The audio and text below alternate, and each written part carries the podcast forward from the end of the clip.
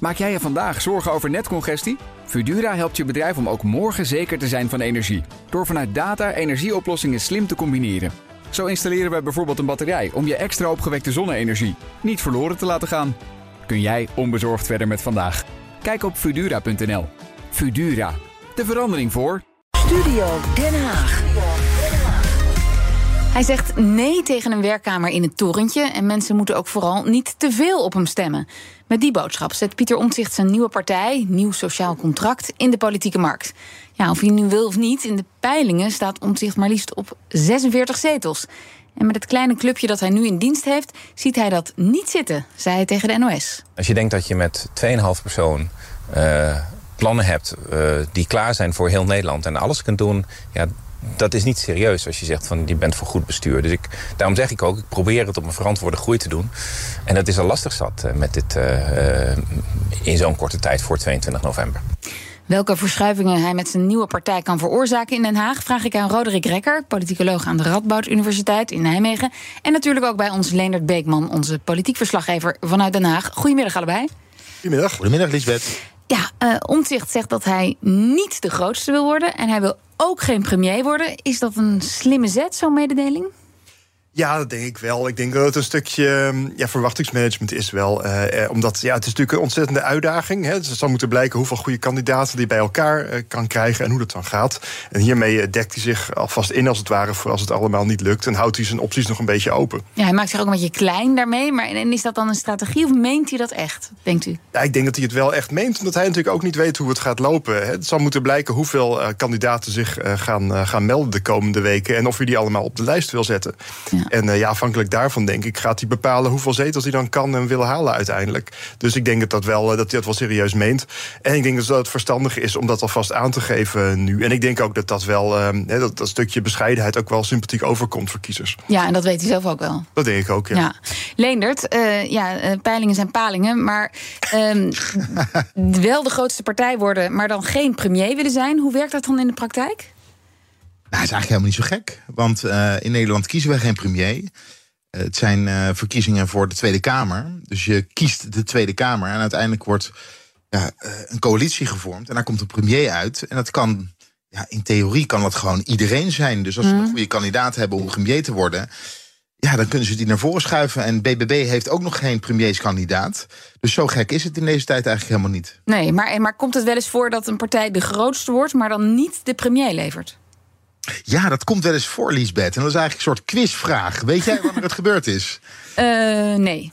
1977. 77. Oh, hier, Roderick ja, Rekker heeft gewonnen. Ja, ja, ja, ja, ja, uiteraard. Wat was dat? Dat kan eigenlijk goed. Ja, oh, dat, dat uh, was toen Joop Nijl de grootste partij oh, natuurlijk, werd. Uh, en Dries van Acht premier werd van Acht premier, ja, natuurlijk. Och, zou ik moeten weten. Oké, okay, maar dat is bijna 50 jaar geleden. Tien zetels winst, hè? Tien zetels winst. Ja, ja dus het ja. kan wel. Ja, maar Omtzigt zegt dus dat hij geen 46 zetels wil. Um, als je dat echt niet wil, werkt het dan ook om gewoon minder mensen op de lijst te zetten? Ja, dat werkt zo. Het is wel. Ja, ik wil het onhandig noemen. Misschien dat dat ook weer een onhandige opmerking is. Maar uh, het kan wel. Op het moment mm -hmm. dat je minder personen op de lijst zet, dan blijven de restzetels over. En die worden simpelweg verdeeld over de andere partijen. Oké, okay, maar dat, dat wil hij vast niet. Nou ja, de vraag is een beetje hoe die het, uh, hoe die het wil gaan doen. Want we hebben kieskringen in Nederland. En je kan je ook voor bepaalde kieskringen kan je, je inschrijven. En als hij zich voor minder kieskringen, we hebben er twintig. Dus uh, bij wijze van spreken voor twee of drie inschrijft, dan wordt het, is de kans ook minder groot dat er 46 zetels uitkomt. Uh, maar we moeten gaan zien hoe omzicht het uiteindelijk gaat doen. En uh, zoals Roderick ook al zei, hoe lang zijn lijst wordt en of daar ook genoeg mensen op staan die goed genoeg zijn om. En Pieter Omzicht is, een, is iemand die de lat voor zichzelf hoog legt, maar ook voor anderen. Uh, of die genoeg mensen kan vinden die aan zijn standaarden voldoen. Ja, maar Roderick Rekker, ja, als je op winst staat, dan heb je opeens veel vrienden. Dus ik kan me voorstellen dat mensen nu hem wel mailen en bellen. Ja, dat denk ik ook. En ik denk ook dat hij een heel groot netwerk heeft in Den Haag en ook daarbuiten. En um, ja, je ziet nu al dat, dat best wel een aantal goede mensen van het CDA ook zich bij hem willen aansluiten. Dus ik denk dat het voor hem in ieder geval een stuk makkelijker wordt om die lijst samen te stellen. Dat bijvoorbeeld voor Pim Fortuyn was in 2002. Die uiteindelijk uh, ja, gewoon uh, ja. iedereen maar op de lijst zette. De tuinman en de chauffeur, letterlijk. Precies, ik, ja. ja. Die zetten die erop. Maar hoe ziet de uitslag van de komende verkiezingen in het ideale scenario van Pieter Omtzigt eruit, denkt u?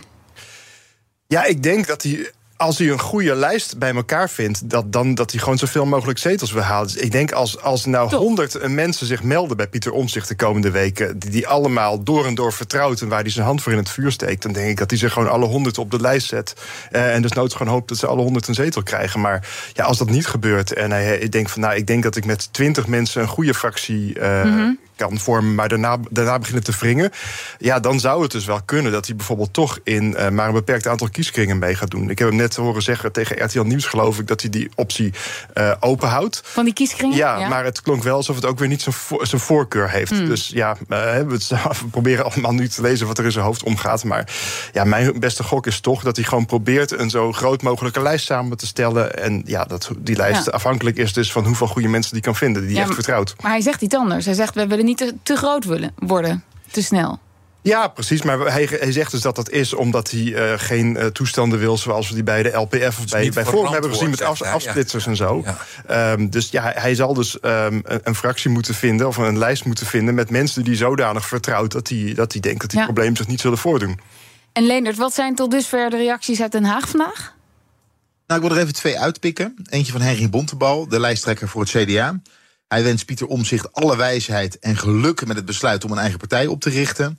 En Laurens Dassen, toch wel een beetje een, uh, een broeder in de Tweede Kamer. Mm.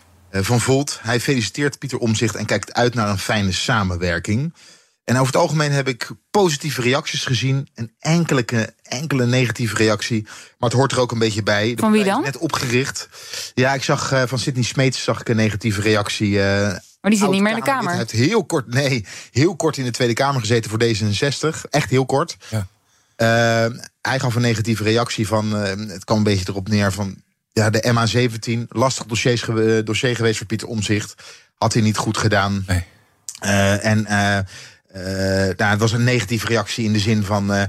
Uh, is dit wel een goed idee om een partij te gaan beginnen? Ja. Maar over het algemeen zien we allemaal positieve reacties vanuit Den Haag komen. Leonard, die, en dat MH17-dossier, dat deed hij inderdaad. Daar heeft hij echt wel eens uitgeleider gemaakt. Maar dat is niet de reden om op omzicht te stemmen.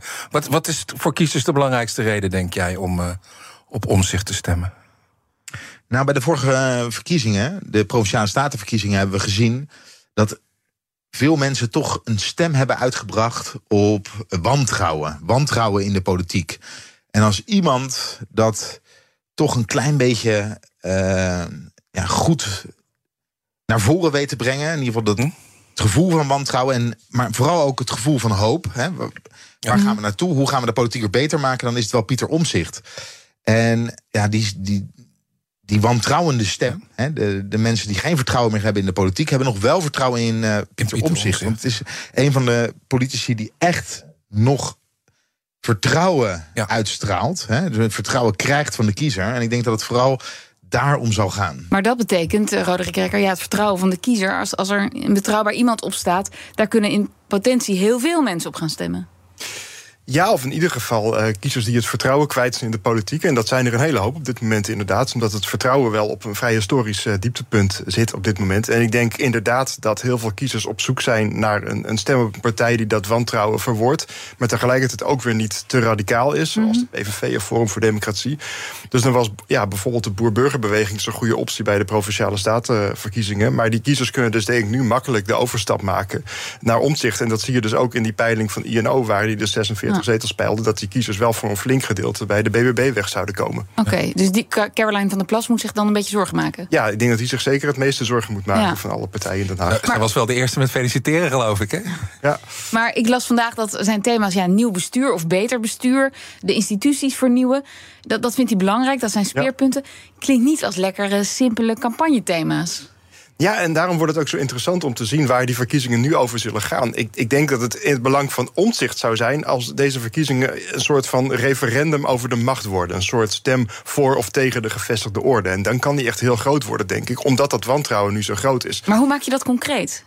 Want iedereen wil beter bestuur. Maar... Ja, ja, door bijvoorbeeld in, in, de, in de debatten eh, eh en dergelijke het onderwerp eh, de toeslagenaffaire te laten zijn en de afhandeling van Groningen en dat soort dingen. Dus dingen waar het eigenlijk in 2021 misschien wel verrassend weinig over ging, daar zou het er nu wel over hm. kunnen gaan. Tegelijkertijd zullen denk ik de bestaande partijen het gewoon over hun eigen thema's willen hebben, zoals immigratie of klimaat.